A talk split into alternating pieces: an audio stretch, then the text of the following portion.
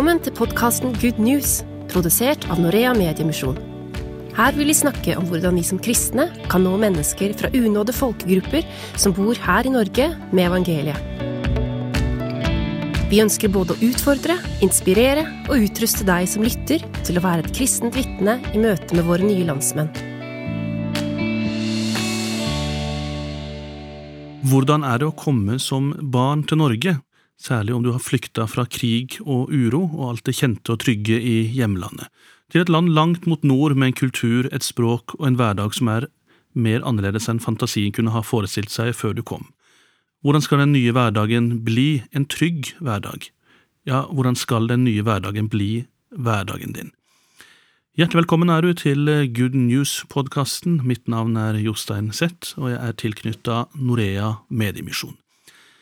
Som i forrige episode så er det to kvinner med lang erfaring med arbeid tilknytta innvandrerbarn her i Norge, som skal dele sine tanker og erfaringer med oss.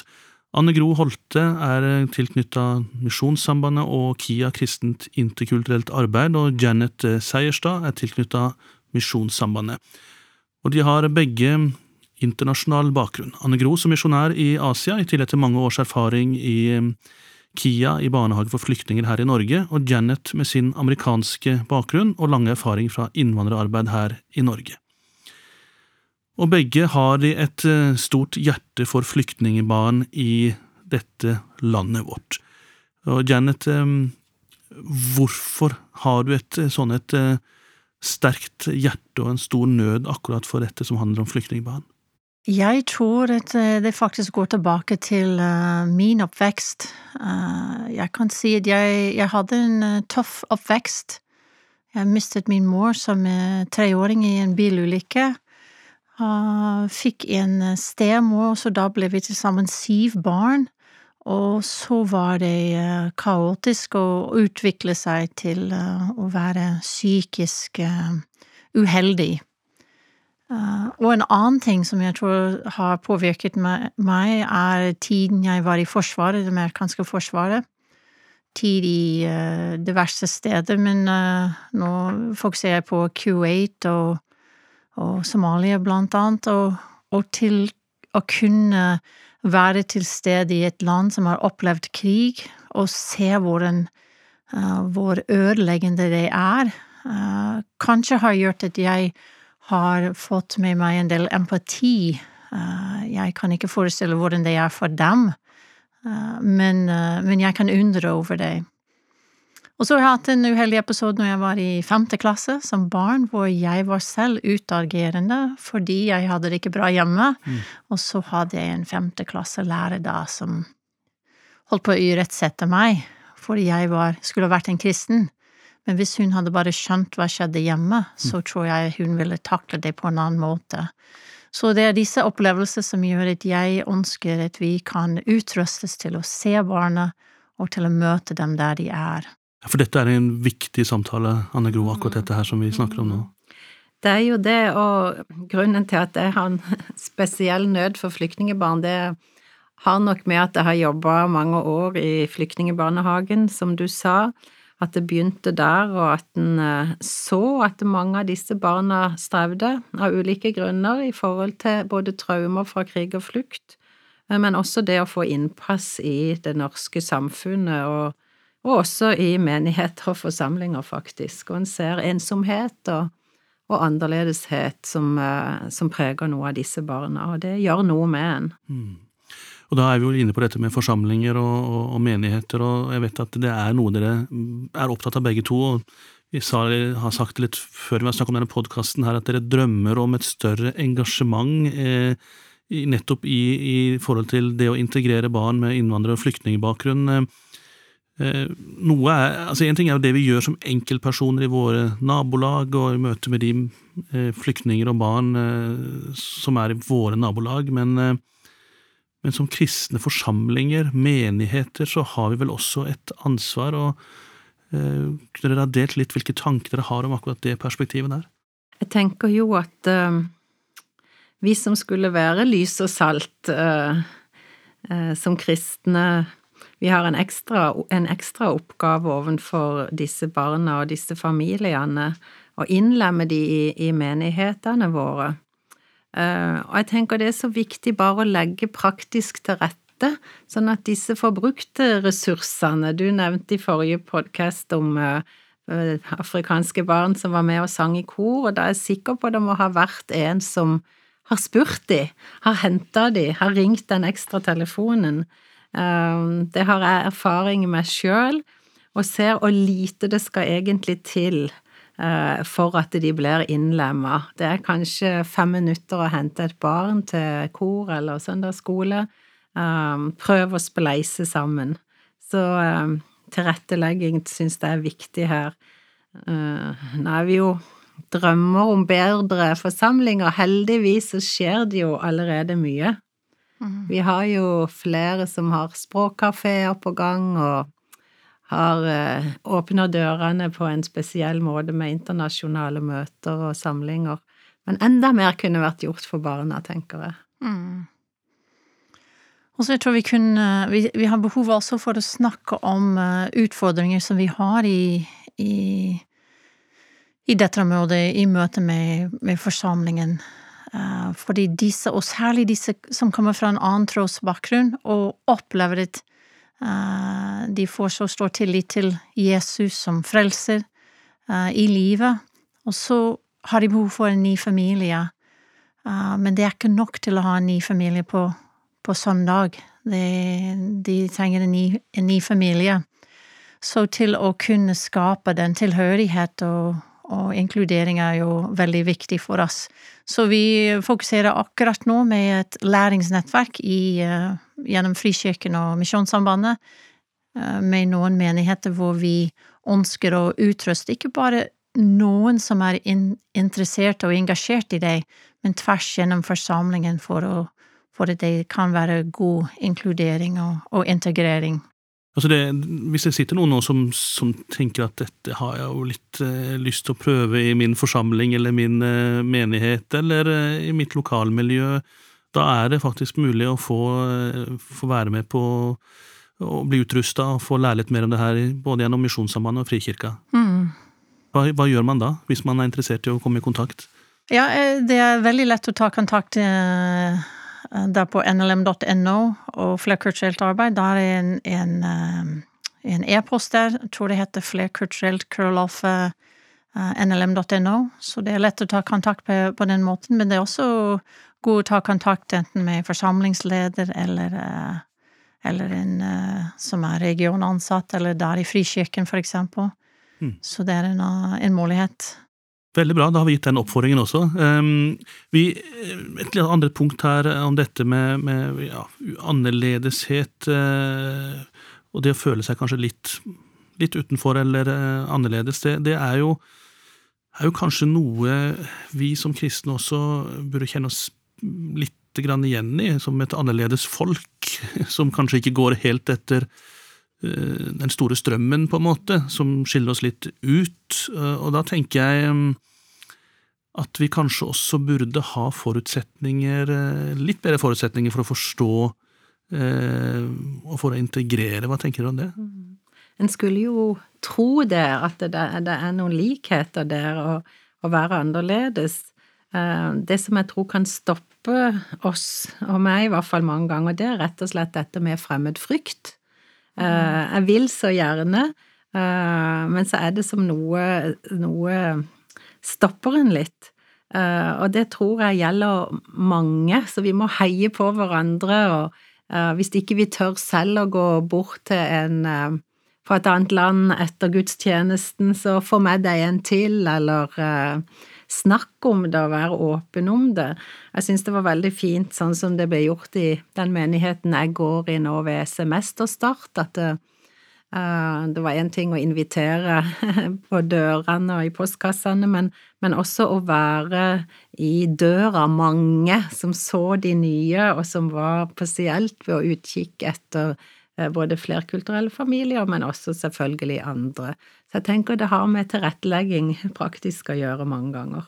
Ja, og jeg har sett um, Etter gudstjeneste så kan det bli en invitasjon for eksempel til å gå ut og spise is sammen, og, og da tar man en spas, spasertur sammen, og da blir man litt bedre kjent, og det blir ikke så farlig, og, og det er disse små skritt som jeg tror kan, kan være både positiv for, for nyankomne til Norge, men også til vanlige folk som har flyttet inn i, i by og bygd.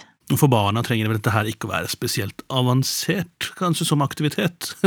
Det er vel bare det å være sammen og leke litt og litt, uh, føle seg litt uh, Føle tilhørighet, rett og slett. Føle seg som en del av gjengen. Jeg tror det er ofte bare foreldrene må ville. Vi må ville det, mm. og gjøre det. Mm. Så enkelt ofte.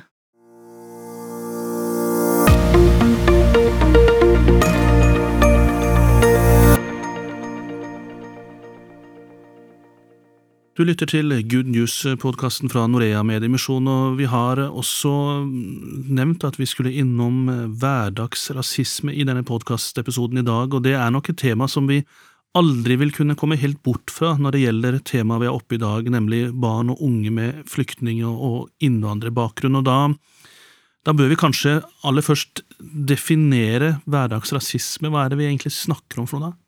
Ja, og her tenker jeg vi kan rett og slett lese fra den store norske leksikon, rasisme. Rasisme er i små betydning oppfatninger, holdninger eller handlinger som deler mennesker inn i påståtte raser, hvor noen hevdes å være mer verdifulle enn andre. I dag brukes begrepet rasisme også i vid betydning om flere former for etnisk diskriminering som ikke nødvendigvis bygger på forestillingen om menneskeraser, men som også skjer på basis av andre kjennetegn som nasjonalitet, utseende, kultur eller religion. Men mye av dette er jo kanskje også ubevisst. Mm. Uh, at uh, blikket vi sender eller ikke sender, eh, smilet og hilsenen vi ikke gir til, til disse, eh, er ikke noe vi egentlig vil, men som vi må bare bli bevisst på å gjøre, for jeg tenker det ligger så mye ubevisst hverdagsrasisme. For eksempel min, eh, min venninne fra Eritrea, hun sa til meg at jeg har bodd fire år i gata her utenfor byen, eh, før noen sa hei til meg, og jeg sa hei til nesten alle hver eneste dag, men etter fire år så var det en dame som sa hei tilbake, og nå er vi blitt veldig gode venner. Så jeg tenker bare en sånn ting sier litt om hverdagsrasisme som nok er Håper i hvert fall at det er ubevisst. Mm. Men, men, men hvor, eh, hvor, utbredt tror du det er? Altså, vi snakker, nå snakker vi kanskje altså det, det, er, det, er, jo viktig her å si at dette er ubevisst, som du er inne på. For dette handler litt kanskje om, om, holdninger som ikke vi kanskje er helt klar over, men hvis vi prøver å sette oss inn, og sitter jo vi her, burde kanskje ha fått en som kunne ha mm, sagt dette på egne vegne, selvfølgelig, det er jo det, er jo det beste, men, men, ut fra den kunnskapen og kjennskapen dere har til innvandrere, og kanskje spesielt barn, da, som vi snakker om nå, altså hvor utbredt er det, og hvordan opplever de det i hverdagen, tenker dere? Jeg tenker jo at det oppleves mye mer enn en tror. Um, vi kan selv se på våre samlinger i kristne forsamlinger at det ofte blir eh, innvandrerfamilier gående hjem alene, stående for seg selv uh, hvis de er der etter møtene. Så jeg tenker at det, det skjer mer enn en tror. Og de som kommer fra afrikanske land med en mørkere hudfarge enn oss, vil jo og så føler det enda mer på kroppen, som jeg har forstått, i hvert fall. Min somaliske venninne sa å, det er så dumt at det er slutt med munnbind og etter koronatiden, for når jeg hadde det på meg, så så de ikke hele hudfargen min, og det er veldig sårt å tenke på at det skal være en, en grunn. Så jeg tenker mange av disse tingene er ubevisst rasisme fra vår side. Mm. Jeg husker vi, Janet, du, du, fortalte om en historie som jeg syntes var både litt fascinerende, men også litt vond på en måte, om ei som, eh, som har, har, en hudfarge som ikke er eh, hvit som oss, men som, som uttrykte at eh, Men jeg føler meg hvit. Det er Dette er så, dette er så fascinerende. Uh, og så litt bakgrunn. Jeg hadde brukt ganske mye av den uh, pandemien til å, å forstå det som skjer i USA med, med Black Lives Matter, og hvordan er det egentlig å være um, eh, svart i USA, og, og alle disse ting. Og så sa eh, hun jente til meg, vi diskuterte menighetsliv, og, og hun hadde vært på besøk til en annen menighet hvor det var um, undervisning på ukedag.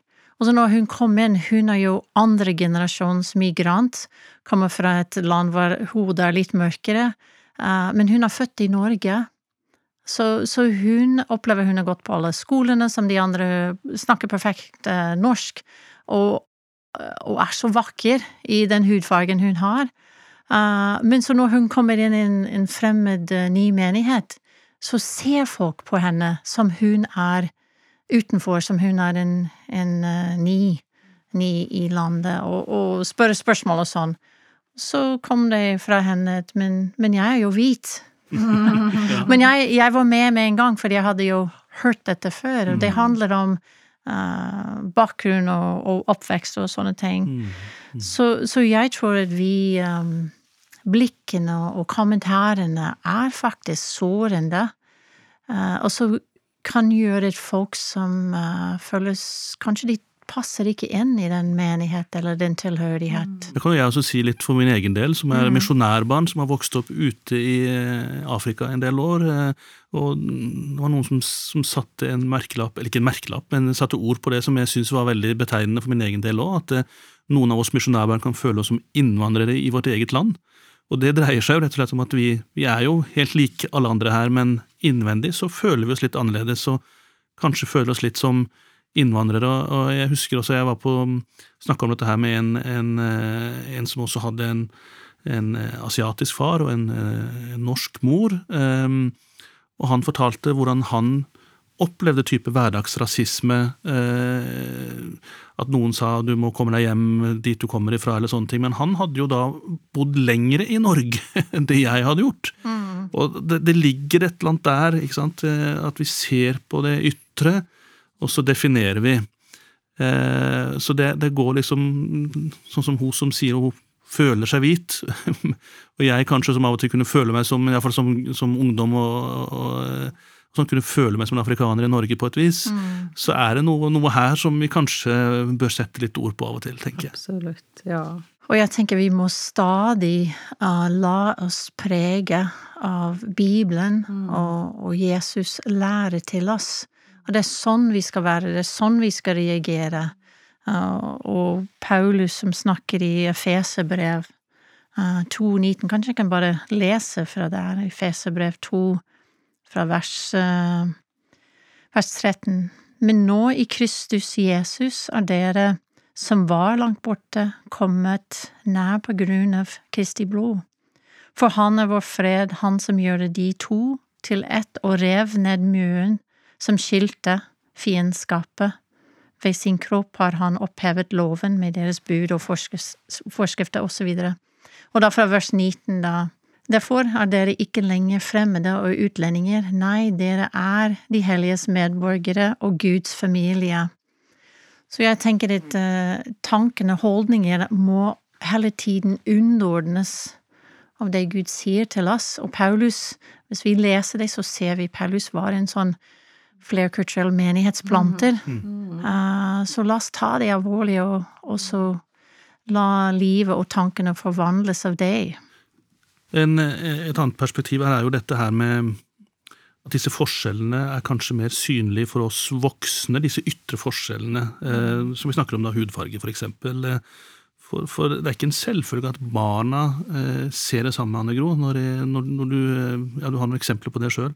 Jeg tenker jo at eh, for eksempel i en barnehage, og sikkert skole også, så er ikke dette noe problem. Eh, det er ikke utlendingen, men det er Ahmed som er god i fotball, eller eh, Fatima som er god til å hoppe strikk. Det er ikke landet som definerer de, eller landet de kommer ifra som definerer de. Og jeg tenker der har vi veldig, veldig mye å lære av barna akkurat på dette.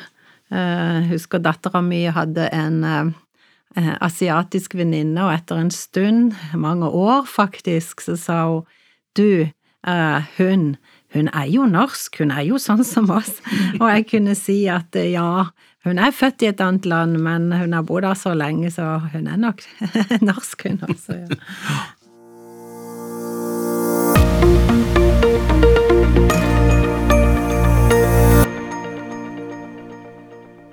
I Good News-poden i dag så snakker vi om eh, barn med flyktning- og innvandrerbakgrunn, og hvilke utfordringer de har, og hvordan vi som kristne har et ekstra ansvar overfor denne gruppa. og vi tar opp igjen tråden igjen derfra.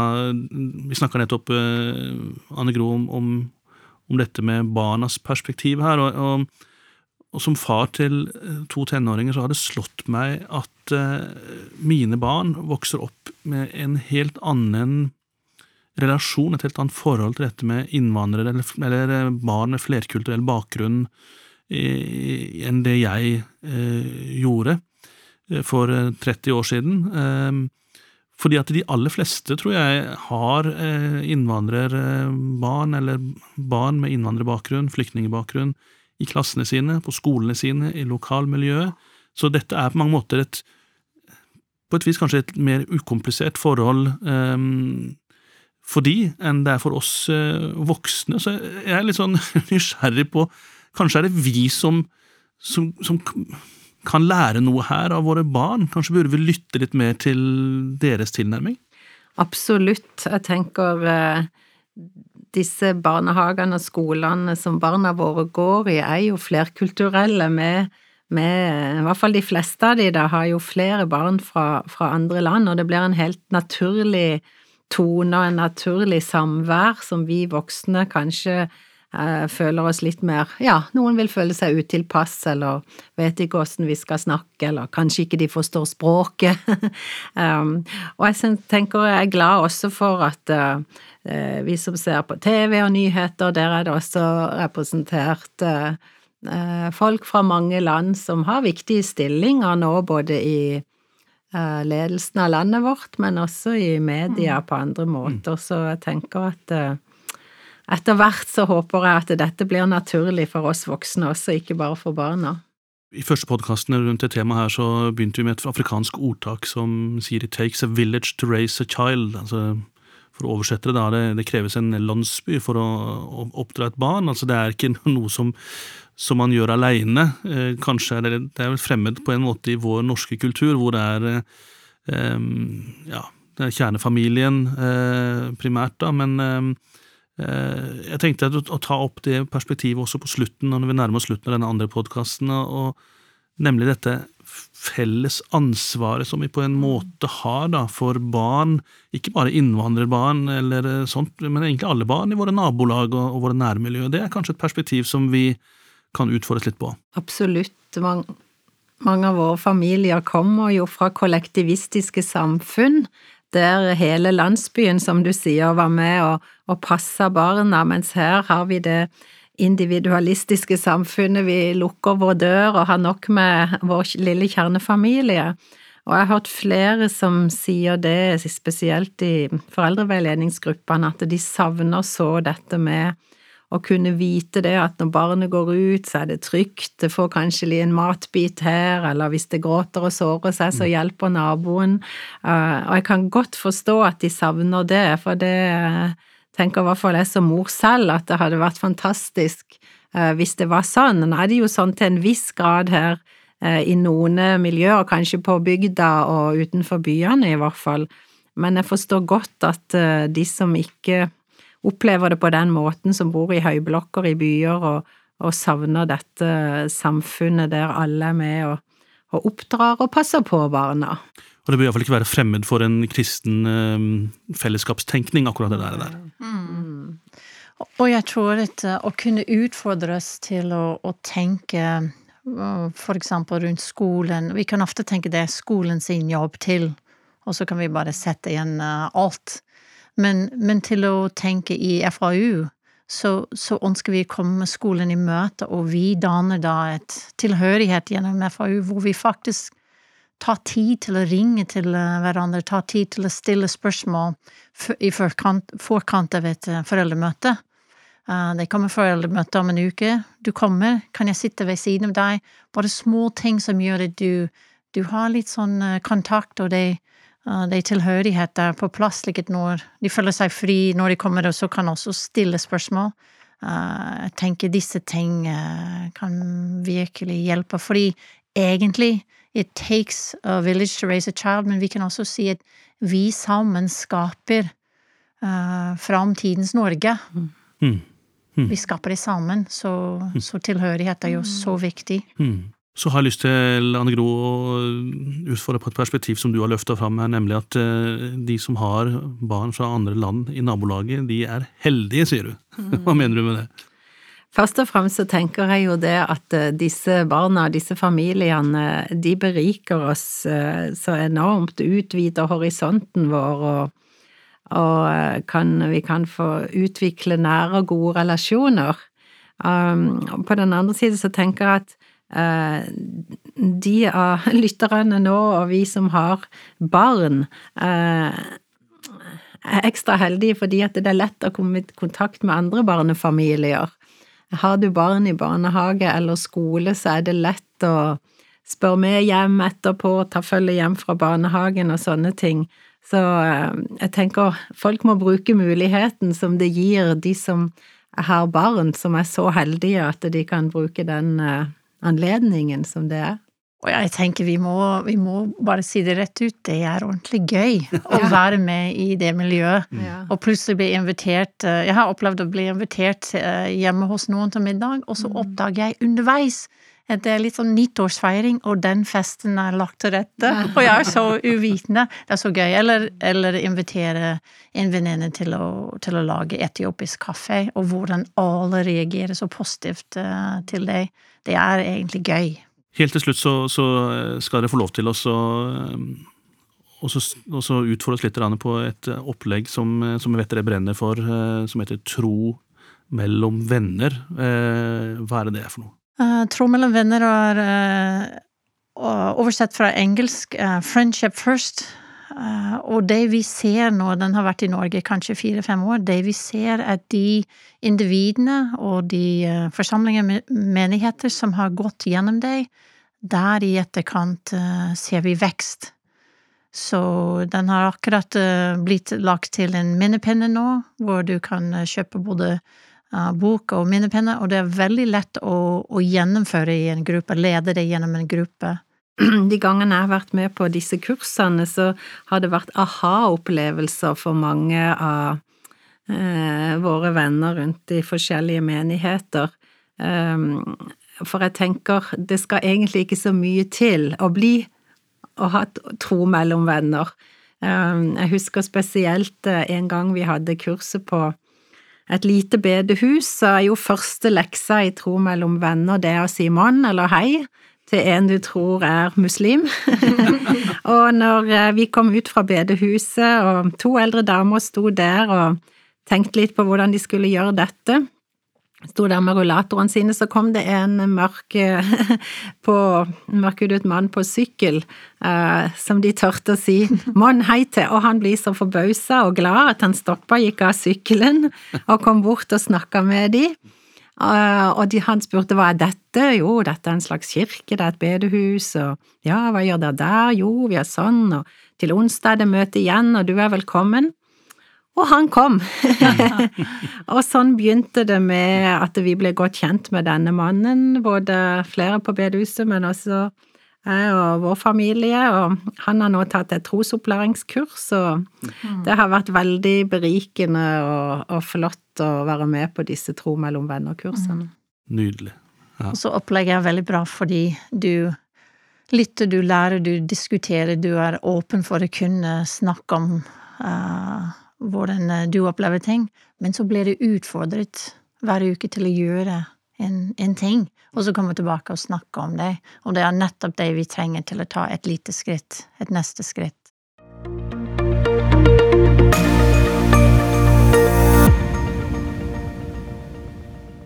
Flott. Da eh, må jeg bare få, få, lov til å takke dere for at dere har eh, vært med i podkasten eh, Good News. Janet Seierstad tilknytta Misjonssambandet, og Anne Gro Holte, som er tilknyttet både Misjonssambandet og KIA, kristent interkulturelt arbeid, så vet jeg det at dere mm, ønsker liksom ikke å få denne merkelappen eksperter, men, og det er dere på en måte ikke heller, men dere er erfarne, og dere har delt av erfaringene deres. Og det er det vi ønsker i denne podkasten. Vi ønsker Det er ikke noe ekspertsamtale, dette her, dette er en refleksjonssamtale hvor vi løfter opp temaer som dreier seg om viktigheten av for oss som kristne å være våkne for eh, de menneskene rundt oss som har en annen bakgrunn, og ikke minst også de unådde folkegrupper som eh, vi har her i vårt eget land, som, som, aldri har fått muligheten til å møte Jesus. Og det har dere jo fått lov til å inspirere oss uh, gjennom det dere har delt av egne erfaringer i, i eget liv, og, og, også gjennom det virket dere har. Så det uh, skal dere ha en stor takk for. Og så eh, vil jeg si til deg som lytter, at eh, om det er noen som du tenker på burde ha lytta til dette her, kunne hatt glede av og nytte av å, lytte til denne podkasten, så må du bare være frimodig og dele nyheten om at den finnes på Spotify. Det, finnes også en Good News-app som du kan laste ned, den får du høre om straks. Um, og ellers så uh, tipser jeg også om at uh, vi kommer til å ha nye podkaster, og du får uh, muligheten til å lytte til nye temaer innenfor dette viktige arbeidsområdet. Mitt navn er Jostein Seth, og jeg er tilknyttet Norea Mediemisjon, og takker for følget i dag.